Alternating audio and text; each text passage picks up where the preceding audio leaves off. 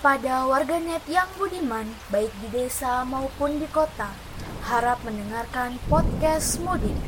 Karena podcast mudik sudah mengudara. Sekali lagi, harap mendengarkan podcast mudik. Membicarakan urban desa secara asik.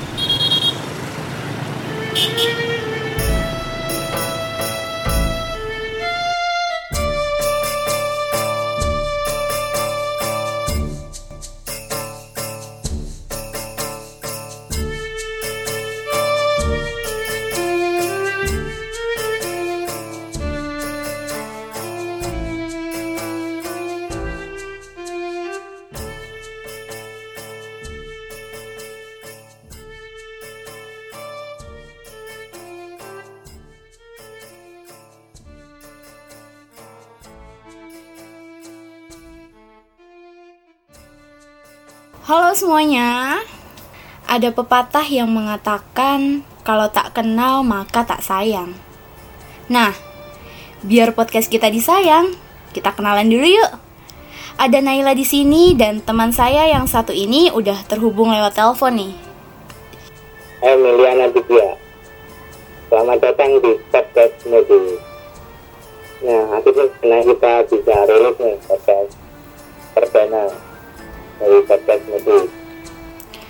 Iya. Akhirnya bisa launching juga nih podcast.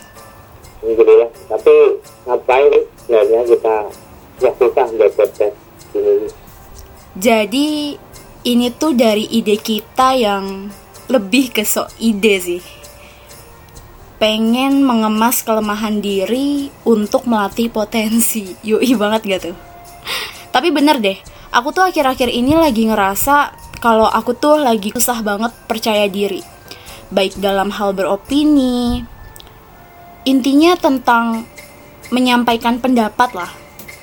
Nah, dari situ tuh kepikiran, pengen belajar lah, pengen memulai eh, gimana caranya beropini dengan baik, yang kayak gitu-gitu.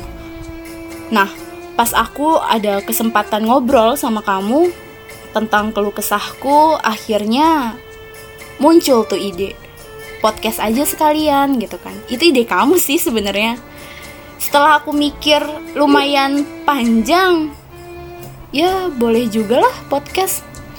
Belajarnya bisa lebih banyak sih. Mumpung juga podcast kan lagi trending kan tuh sekarang-sekarang ini. Gitu sih. Ya iya banget Nah,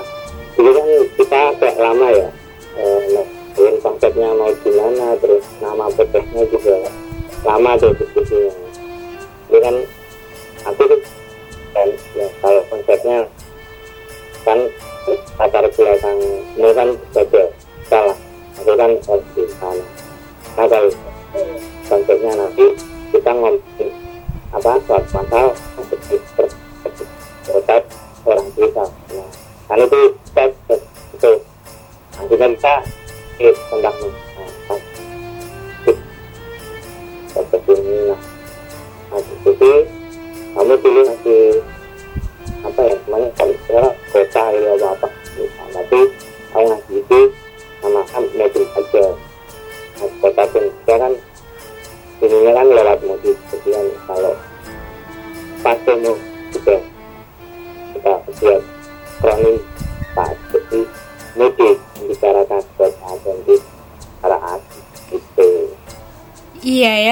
kita tuh diskusi lama banget Akhirnya sampai juga nih hari ini Kebentuk edisi 1 Kalau isinya sendiri sih lebih pengen Apa ya Mengemas tentang hal menarik. Ya tentunya menurut kita sih Tentang desa dan kota dari versi kita. Alias ya lebih ke pengalaman kita sendiri aja sih. Untuk saat ini itu sih. Nah, podcast perdana ini kita enaknya kenalin daerah kita aja nah masing-masing. Nah, aku kan kebetulan dari Pati ya. Kalau Naila kan dari Bogor. Nah, kita kenalin aja daerah kita masing-masing gimana uniknya. Kalau di Pati ya, itu kan yang pertama kan paling jelas kan julukan. Kan biasanya tiap kota punya julukan. Nah, itu punya julukan unik dari Jogja itu udah sangat terkenal lah. Itu pati bumi Minatani jadi pati itu buminya orang bertani dan nelayan. Tapi yang tak itu dia punya julukan Hogwarts Panjava jadi Hogwarts itu tempatnya Harry Potter. Nah, kenapa? Namanya Hogwarts Panjava karena di pati itu banyak paranormal. Jadi banyak deh paranormal dari batu jadi praktek praktek seperti itu banyak. Jadi makanya disebut kota Hujat Panjata nah, selain itu juga kesulitan kota kacang kenapa? Karena di sini ada dua pabrik besar yang terkenal di Indonesia. Satu dua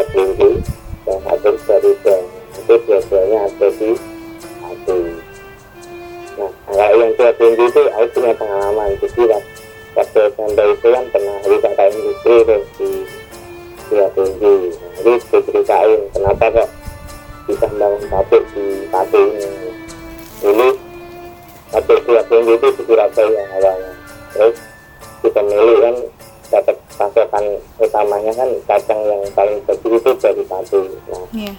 daripada kelamaan dia akhirnya bikin pabrik di pati tuh nah, Hmm. nah itu namanya itu tarik diri nah habis di pati dia ganti nama. kenapa namanya dua kelinci nah kamu tahu nggak? Dua kelinci. iya Apa ya? Nggak tahu sih emang apa sih? nggak tahu kalau kalau kata itu ya katanya itu kalau cuma satu itu nanti kayak playboy Mereka nggak mau mau kan kelinci satu kan lo- logo playboy kan Iya iya iya. Nah, kenapa nggak tiga kelinci? Karena mereka nggak mau ada orang ketiga, makanya dipilih dua kelinci gitu. Wena. Kalau kalau kamu gimana? Kalau Bogor sendiri itu apa ya mas? Kalau Bogor itu pasti udah banyak orang tahu sih. Kalau julukan-julukan julukan-julukan dari Bogor sendiri. Kalau Bogor tuh terkenal apa? Iya. Apa? Yang kita tahu sih kota hujan, kota hujan. Soalnya kan kalau Jakarta Bandung yang lain pasti itu kan kiriman tuh di Bogor gitu. Tapi bener sih apa banyak banget tuh orang bilang kalau eh, Jakarta kan sering banjir. Wah ini pasti uh, apa kiriman dari Bogor nih kayak gitu. nah Iya. dari sebagian masyarakat pasti udah kenal banget sih kota hujan ya Bogor. Tapi kalau kita lihat dari apa ya? eh, jadi ada datanya sih dari klimatologi Dramaga Bogor. eh, curah hujan di Bogor sendiri itu per bulannya itu udah eh, sekitar 200 sampai 300-an milimeter itu per bulan. Jadi kalau dihitung dihitung per tahunnya ya sekitar 3000 sampai 4000-an milimeter lah per tahun. Itu untuk curah hujannya. Nah, karena Bogor curah hujannya tinggi, ternyata tuh potensi petir di sini juga tinggi loh. Jadi eh, udah ada catatan dari Guinness Book of Record itu udah tahun 1989 buku rekor dunia jadi ternyata Bogor sendiri sebagai kota petir atau yang memiliki potensi petir tertinggi di dunia itu tuh udah masuk ke catatan eh, buku rekor dunia itu tahun 1989 kan udah ya. udah lama banget. Jadi emang kalau dari kasusnya sendiri tuh sekitar tahun 2009 itu tuh ada eh, petir yang menyambar di wilayah Bogor itu dalam sehari itu sekitar 300-an petir. Padahal normalnya itu daerah-daerah lain itu sekitar 80-an petir. Nah, Banyak. banyak. Belum terpecah. Gimana? Apa masih terpecah? Itu masih juga? Apa udah terpecahkan gitu? Nah, kalau sampai sekarang eh, rekor eh, sebagai kota petirnya itu kan karena tahun kemarin itu 2019 itu kan lagi kering-keringnya banget kan Indonesia. Nah, itu tuh mulai tuh Bogor sendiri tuh mengalami kekeringan. Jadi data terakhir yang didapat tentang banyak ya atau potensi petir di Bogor itu tuh terakhir itu bula uh, tahun 2018 kayak gitu. Nah, karena tahun kemarin itu kan emang uh, lagi kering banget kan, kayak musim itu eh musim kemarau itu mundur, hujannya juga uh, sedikit banget durasi bulannya. Sama ada sih kalau julukan kota Bo eh, julukan Bogor sendiri itu ada satu lagi dan ini juga sejuta umat juga udah tahu. Bogor itu kota sejuta angkot. Jadi kalau kamu ke Bogor, eh kamu ngomong-ngomong pernah ke Bogor nggak? Pernah. Apa first impressionmu uh, ketika kamu masuk ke wilayah Bogor? Kalau aku kan Bogor kan lewat KRL dari Senan ya. Iya. Yeah. Nah itu pas dari stasiun Bogor itu kan kalau keluar kalau exit itu kan naik flyover itu ya, yang arah mana itu arah selatan atau arah timur ya nggak tahu ya. Nah itu turun langsung warna itu semua antara mobil terus bapak ojol juga pokoknya itu semua. Lah nah itu dia. Jadi ada istilah uh, plesetan dari masyarakat.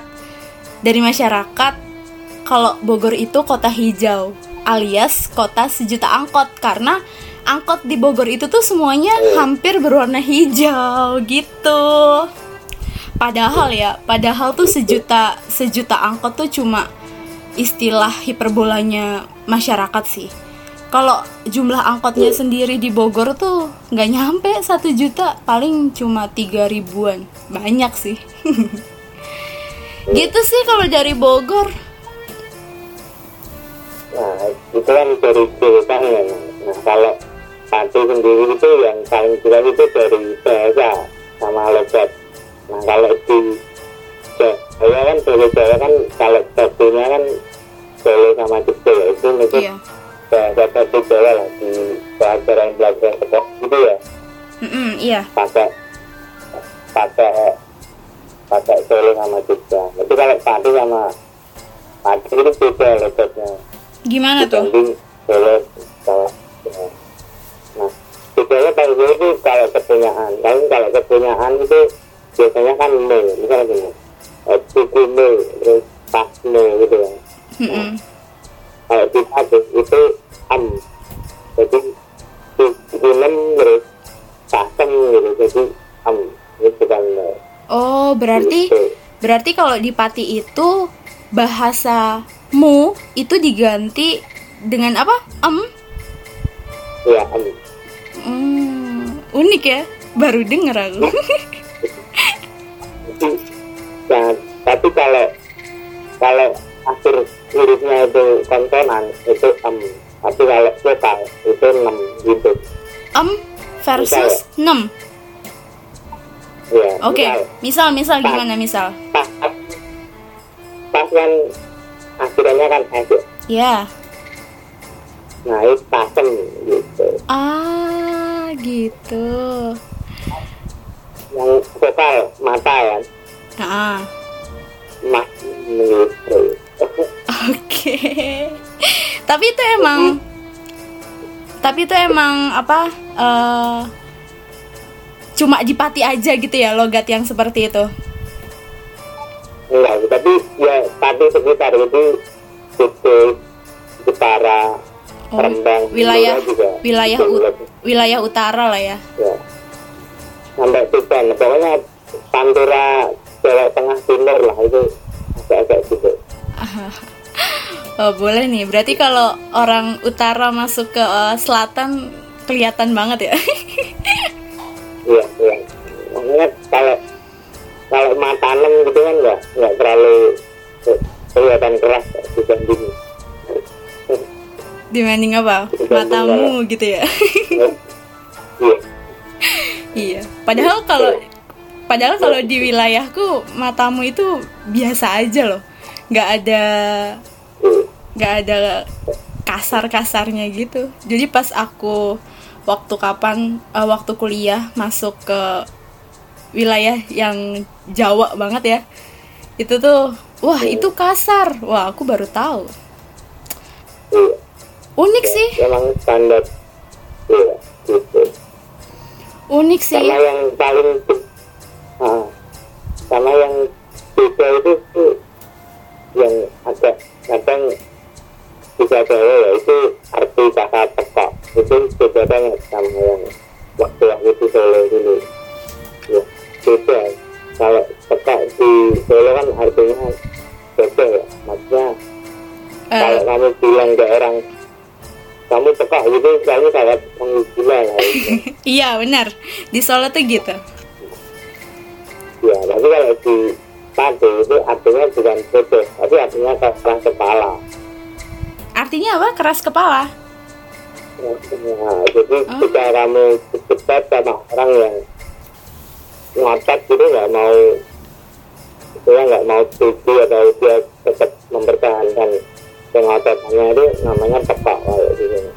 oke. Oh berarti kamu pas kan di Solo itu adaptasi banget ya sama istilah-istilah yang tidak biasa. Makanya ketika belum tahu tuh ketika dekat terus kamu bilang ya itu kamu tepat banget ya. Makanya kamu nggak keras kepala banget. Pasti Iya. temen kita yang di sana lagi merasa terima banget. Padahal artinya kan kamu keras kepala gitu kan maksud menggocek-gocekkan gitu enggak Iya ya sih. emang. Ya Gitu emang kata itu demokrasi, demokrasi lah bisa berubah-ubah artinya sesuai dengan daerahnya masing-masing. Tapi un- itu unik sih ya punya bahasa identitas tuh pasti seru ya. Jadi kalau kamu masuk ke daerah yang bukan asalmu gitu misal kamu lagi main ke daerah mana kamu mengeluarkan logatmu itu pasti wah ini orang mana nih gitu kan ya nanti urusan lucu lah ya. Iya. Ah, Nah kalau di Bogor itu nggak punya bahasa identitas, jadi nggak ada yang eh, misal ngomong logat apa gitu. Oh orang Bogor ya, nggak ada kayak gitu. Jadi ya karena bahasa sehari-hari yang digunakan atau yang dipakai tuh ya banyak.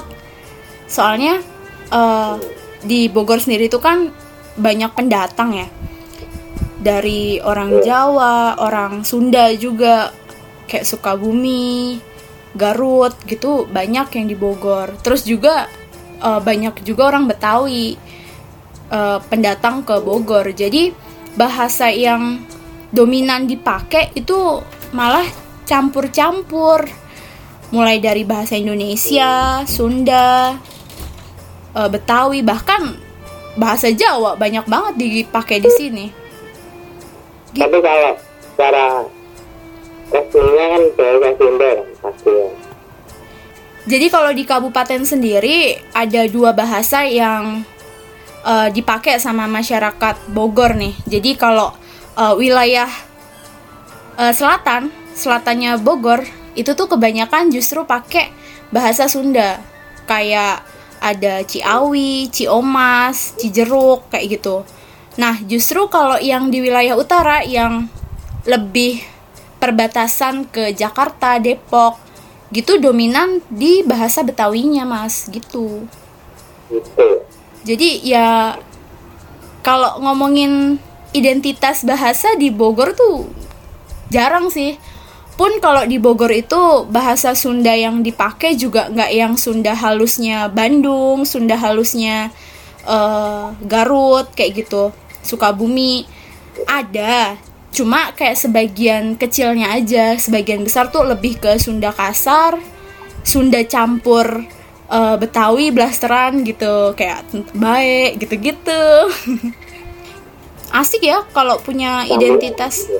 Hah? campuran nggak dia campuran. Bogor orang blasteran yoi. Oh iya ngomong-ngomong kalau di daerahku ini itu termasuk kabupaten terinovatif loh tahun 2019 jadi keren lah selama 2019 di tahun itu di tahun 2019 itu eh, Bogor itu kabupatennya dapat empat penghargaan cuy. Iya yang di sangat. Sangar. Yang di apa namanya dinobatkan atau tercatat sebagai eh, kabupaten terinovatif. Itu salah satu dari 10 kabupaten se-Indonesia. Keren keren. jadi itu dalam dalam bidang inovasi, tata kelola pemerintahan, pelayanan publik, yang tentang pemerintahan lah, kelola pemerintahan. Gitu. ya Kalau di Pati sendiri gimana? kalau itu saya belum pernah tapi kan cuma kayak kota-kota lain kan jadi kabupaten Pati pengen menuju ke smart city jadi cuma kabupaten juga gitu pengen menuju ke smart city jadi eh, peningkatan penggunaan teknologi informasi sama internet gitu untuk seluruh pelayanan pemerintah. Jadi maksudnya semuanya online lah maksudnya. Itu paling cuma itu sih kalau Pati Digital gitu ya? itu nah, Iya sih. Eh, di Bogor sendiri juga mulai eh, beranjak pengen menjadi eh, kota digital, kota digital. Jadi kayak apa-apa eh, ada online, ada wifi di mana-mana kayak gitu. Basisnya online juga sama sih. iya iya gitu kan smart city kan nanti ke lihat gitu Hmm, iya. internet of things Hmm. semuanya un- untuk segalanya pokoknya ya itu kan serba-serba online online itu sih Iya. Ya semakin apa ya, semakin memanfaatkan teknologi yang sekarang sih. Jadi biar nggak yang ketinggalan juga lah. betul nah tapi kalau masalah penghargaan itu nah yang terbaru itu salah satu itu di Pati namanya itu Meran Meran itu kalau di Solo atau Jogja itu tekaten gitu Meran itu masuk ya, masuk api iya anugerah pesona Indonesia ya Wih. Itu program yang penganugerahan dari Kementerian Pariwisata dan Ekonomi Kreatif jadi kayak gitu jadi ya sama kayak tekaten gitu arah-arahan terus Iya. nanti direbut gitu Pernah ikut? Eh enggak ya. nah, lah. Beda Nah, kecamatan. itu nah berarti di itu di kecamatan Sukalila jadi kecamatan ini itu kecamatan paling selatan lah ya. Oh, dengan apa Kudus sama Purwodadi jadi kalau mau ke Solo biasanya lewat sini.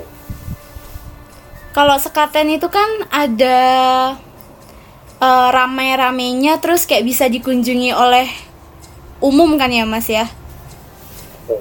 Kalau Meron, Meron apa Meron? Meron. Meron tuh juga sama. Ada acaranya yang bisa dikunjungi orang umum juga. Enggak, saya itu cuma satu hari terus arah-arahan gitu gitu. Oh, Nggak ada yang pasar malamnya gitu. Tapi belum tahu gitu, tapi enggak tuh. Saya cuma apa? Cuma arah-arahan rame gitu. Biasa. Enggak, Berarti- enggak ada kayak pasar malamnya kayak di Solo gitu. Saya juga enggak ada. Wah, berarti dari desa untuk desa gitu ya? Eh kecamatan dari kecamatan untuk kecamatan gitu ya? gitu. Itu masuk kategori festival pariwisata terbaik. Tahun 2020 di Agustus 2020 kemarin masih Masih hangat banget ya berarti. Ya. masuk nominasi lah Iya. Tuh. Kalau ngomongin tradisi daerah nih ya, di Bogor sendiri itu ada satu tradisi. Apa coba tebak? Eh, apa Macet.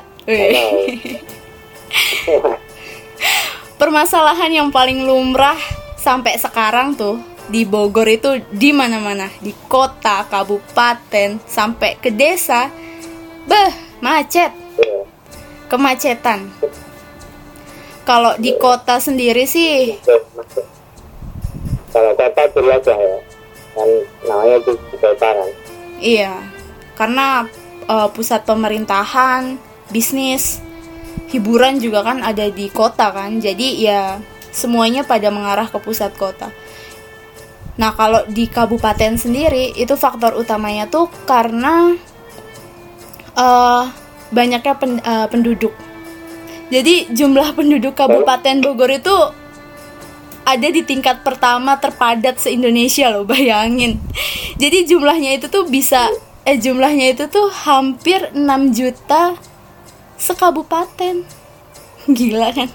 Jadi terbanyak eh, Indonesia ya. Kabupaten dengan jumlah penduduk terbanyak. nih. Iya, bener. Itu Kabupaten Bogor. Tingkat pertama terpadat se-Indonesia. Bayangin. Jadi terbanyak juga terpakai juga ya. iya. Padahal nih ya, kalau luasnya itu tuh cuma sekitar 2600 kilometeran lah, kilometer persegi. Kalau dibandingin sama wilayah mana tuh? Palangkaraya di Kalimantan Tengah. Itu kan kota tuh, Palangkaraya. Itu luasnya juga mirip-mirip, sekitar 2600 700-an lah kilometer persegi. Itu jumlah penduduknya berapa coba? 200-an ribu jiwa. Kosong banget kan kalau dibandingin tuh kayak sekelas kabupaten versus kota. Yang luasnya tuh sama, hampir sama. Itu ya penuh. 6 juta dibandingin sama 276 ribu jiwa. Padet banget. Itu sih sebagai faktor utama macetnya di Kabupaten Bogor lebih tepatnya. Gitu. Dulu itu cuma 1,2 juta orang. Itu dari luasnya berapa? Eh, 150 ya jauh lah ya. jauh. Kalau enggak? Orang aku nih ya di daerah rumahku itu kalau sebelum eh, masa-masa pandemi gini kamu tuh keluar malam minggu nih ya ceritanya jam 4 sore. Eh, itu masih sore loh sore Sabtu sore. Padet macet banget nggak tahu tuh pada mau ngapain tapi ya sekarang tuh semenjak pandemi ya ya berkurang tapi nggak yang signifikan banget sih. Masih macet. Emang anu sumpah banget. 6 juta itu setara hampir Jakarta. Jakarta kan satu provinsi itu kan 10 juta. Ya iya. Hampir mendekati. Bogor yang satu kabupaten. Kabupaten 6 juta ya bener. Emang padat banget sih. Gitu. Tapi kalau masalah banyak-banyak kalau ini nggak nggak dari penduduknya. Kalau di Pati itu banyak apa? Coba-coba apa? Banyak banyak pantai enggak ya? Enggak. sini itu banyak garam ya. garam Iya. oh gudang gudang garam ya gudang garam Iya. Kalau saya kan identik dengan B-nya kan Madura ya. oh iya benar Madura itu garamnya terkenal sih. Hmm, tapi ternyata produksi garam terbanyak itu nomor satu bukan Madura. Mana? Coba. Pati enggak Kabupaten dengan bukan. Ternyata nomor satu itu Cirebon. Cirebon Ya Cirebon. oh karena di Cirebon banyak pantai kali ya Banyak tambak. Produksinya ah, nomor satu. Baru nomor tiga Madura. Mana? Sampang. Sampang. kan iya Eh, produksi garamnya terkenal sih aku taunya Madura itu sih Tapi nomor tiga saya juga enggak ya padi ketiga nasional. Ketiga, iya ketiga nasional. Wah banyak makan garam no berarti kamu. jadi tiga nasional itu menjadi produsen terbanyak garam.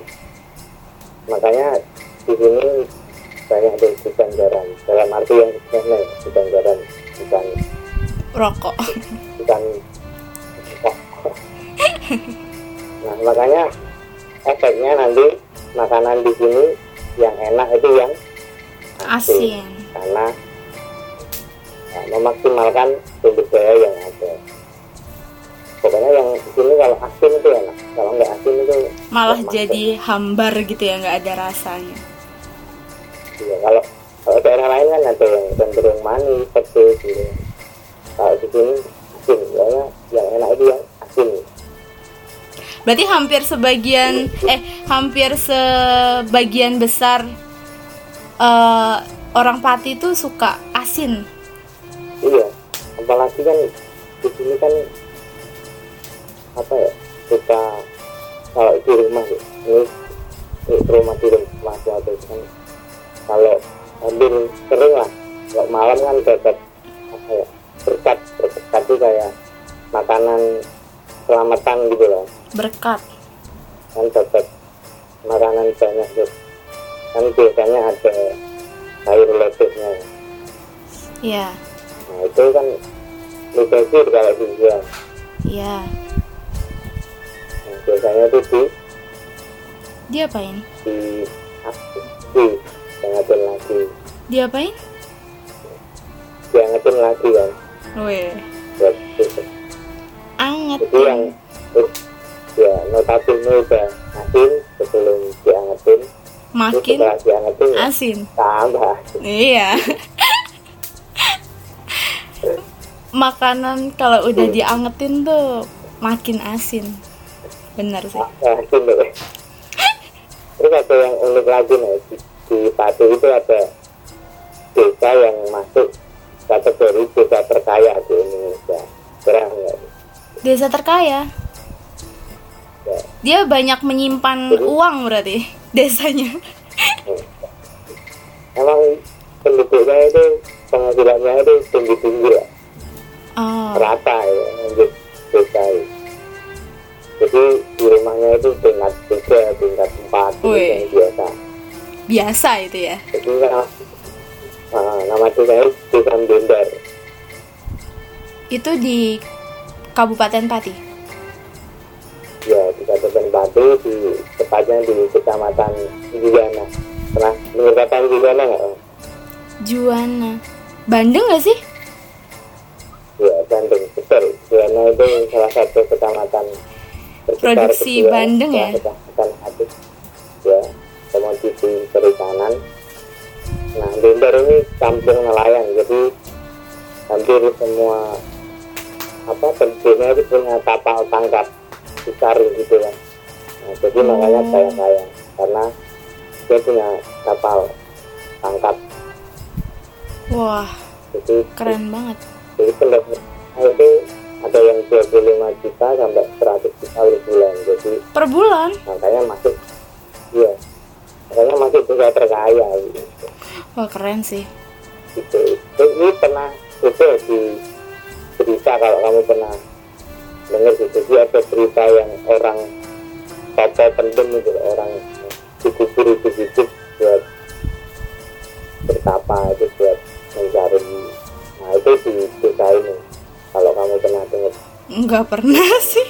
Nggak pernah. Jarang nonton TV, jarang nonton berita. kalau Bogor pasti banyak lah terkait orang kaya itu apa kalau gitu Ngomongin orang kaya, apa ya? Oh, Bogor tuh ada satu tempat, dua deng, dua tempat yang ada di Kabupaten Bogor sebagai tempat rekreasinya orang elit. Apa kira-kira? Rekreasi sambil olahraga. Nah, puncak kan puncak. Puncak. Iya sih, puncak tuh eh, pariwisata yang ikonik dari Bogor juga. Tapi ini bukan puncak. Kalau puncak kan mungkin masuknya ke puncak itu kan nggak bayar kan. Paling eh, ke air terjunnya itu pun bayarnya juga paling berapa lah. Nah ini ada nih. Kamu pernah apa? Kamu pernah ke puncak? Kamu pernah ke puncak? Pernah. Pernah dong. Sama mencerminkan mangu orang Bogor. Gimana? Sama tawang mangu beda kalau di Bogor itu bedanya Tawangmangu Solo sama Bogor. Eh Tawangmangu tuh bukan Solo ya Karanganyar. Tawangmangu sama Puncak Bogor itu wisata lebih ke wisatanya itu lebih banyak di puncak. Jelas banyak taman. Di Bogor tuh banyak taman. Taman bunga taman buah. Terus ada kebun raya Cibodas juga ada di sana itu di daerah puncak kalau di Tawangmangu Karanganyar kan air terjun ya gitu kan banyak air terjun juga ada. sih apa Taman Sakura Kan Taman Sakura. Taman Sakura Iya, Cibodas juga ada Taman Sakura, cuy. iya sih. tapi tapi tapi ada yang yang belum kelihatan bukan puncak? Iya, bukan puncak. Jadi di Kabupaten Bogor itu ada tempat rekreasinya orang elit sekaligus untuk tempat olahraganya. Jadi ada lapangan golf yang dinobatkan menjadi lapangan golf terbaik se-Indonesia. Itu udah eh, tercatat di ajang Asia Pacific Golf tahun 2019, Mas. Tiga lapangan golf sebenarnya. Yang pertama itu ada di kawasan Sentul, Babakan Madang, yang namanya Rainbow Hills. Nah, yang kedua itu ada di wilayah Kecamatan Gunung Putri. Itu di Kabupaten Bogor juga. Namanya itu kalau nggak salah Riverside. Iya. Nah, yang terakhir itu, nah ini namanya tuh Emeralda. Dia itu sebenarnya uh, tempatnya atau lokasi spesifiknya itu ada di Kota Depok. Mungkin karena dulu Kota Depok itu kan termasuk uh, pemekaran dari Jawa Barat ya. Jadi mungkin uh, masih masuk ke nominasi Kabupaten Bogor. Gitu sih kali kali. Tapi tuh yang jelas itu ada dua sih, ada dua kabupaten Bogor, ada dua lapangan golf di Kabupaten Bogor yang tadi itu, yang di Sentul sama yang di Kecamatan Gunung Putri. Wah mahal ya mas ternyata main golf tuh. Masuknya tuh sekitar 500an ribu loh. alam banget lah kalau iya. paling mainnya gue Desa terkaya. Berarti tadi Pati itu jadi desa terkaya ya? Ada. salah satu Oh. Kalau di Bogor, tuh nggak ada desa terkaya tuh. Nggak ada apa aku nggak tahu ya. Tapi di Bogor tuh mas ada yang namanya desa ramah lingkungan. Namanya tuh KRL. Bukan kereta rangkaian listrik. Listrik oh rel listrik ya bukan rangkaian listrik. Rel. iya ya kereta rel listrik. Jadi namanya tuh KRL. Di Kabupaten Bogor itu tuh ada ada kampung yang dibuat itu tuh semacam program dari Dinas Lingkungan Hidup itu udah ada sekitar tahun 2017. Itu yang ceritanya pengen menerapkan eh, desa-desa di Kabupaten Bogor ini menjadi desa yang ramah lingkungan. Nah, namanya itu KRL tadi. Bukan kereta rel listrik, tapi kampung ramah lingkungan. Gitu. Tapi emang di wilayah Bogor sini udah banyak sih, apalagi sekarang-sekarang ini nih udah mulai eh, masyarakat di sini tuh udah mulai apa ya tersadarkan perihal eco green buang sampah pada tempatnya pilah-pilih sampah yang tentang lingkungan lah. Untuk menjaga lingkungan tuh udah mulai sih di wilayah rumahku juga. Eh, akhir-akhir ini tuh udah mulai apa ya ada yang namanya bank sampah kayak pilah-pilah sampah kayak gitu yang bisa didaur ulang sama yang nggak bisa itu nanti dijadiin pupuk. Kayak gitu mas kalau di rumahmu itu gimana? Udah ada penerapan yang seperti itu belum? Belum. Kalau di sini ya belum pada melek soal gitu mungkin ya karena yang lingkungan ini biasanya lanjutan dari ketika ekonominya udah terpenuhi biasanya ya kan baru bisa mikir lingkungan. Oh iya sih. karena di sini masih fokus ke ekonomi jadi belum terlalu melek sama juga mungkin belum ada program yang masif kayak di sosial tadi kan udah kayak sistematis ya dari pemerintah kabupaten ya. Iya.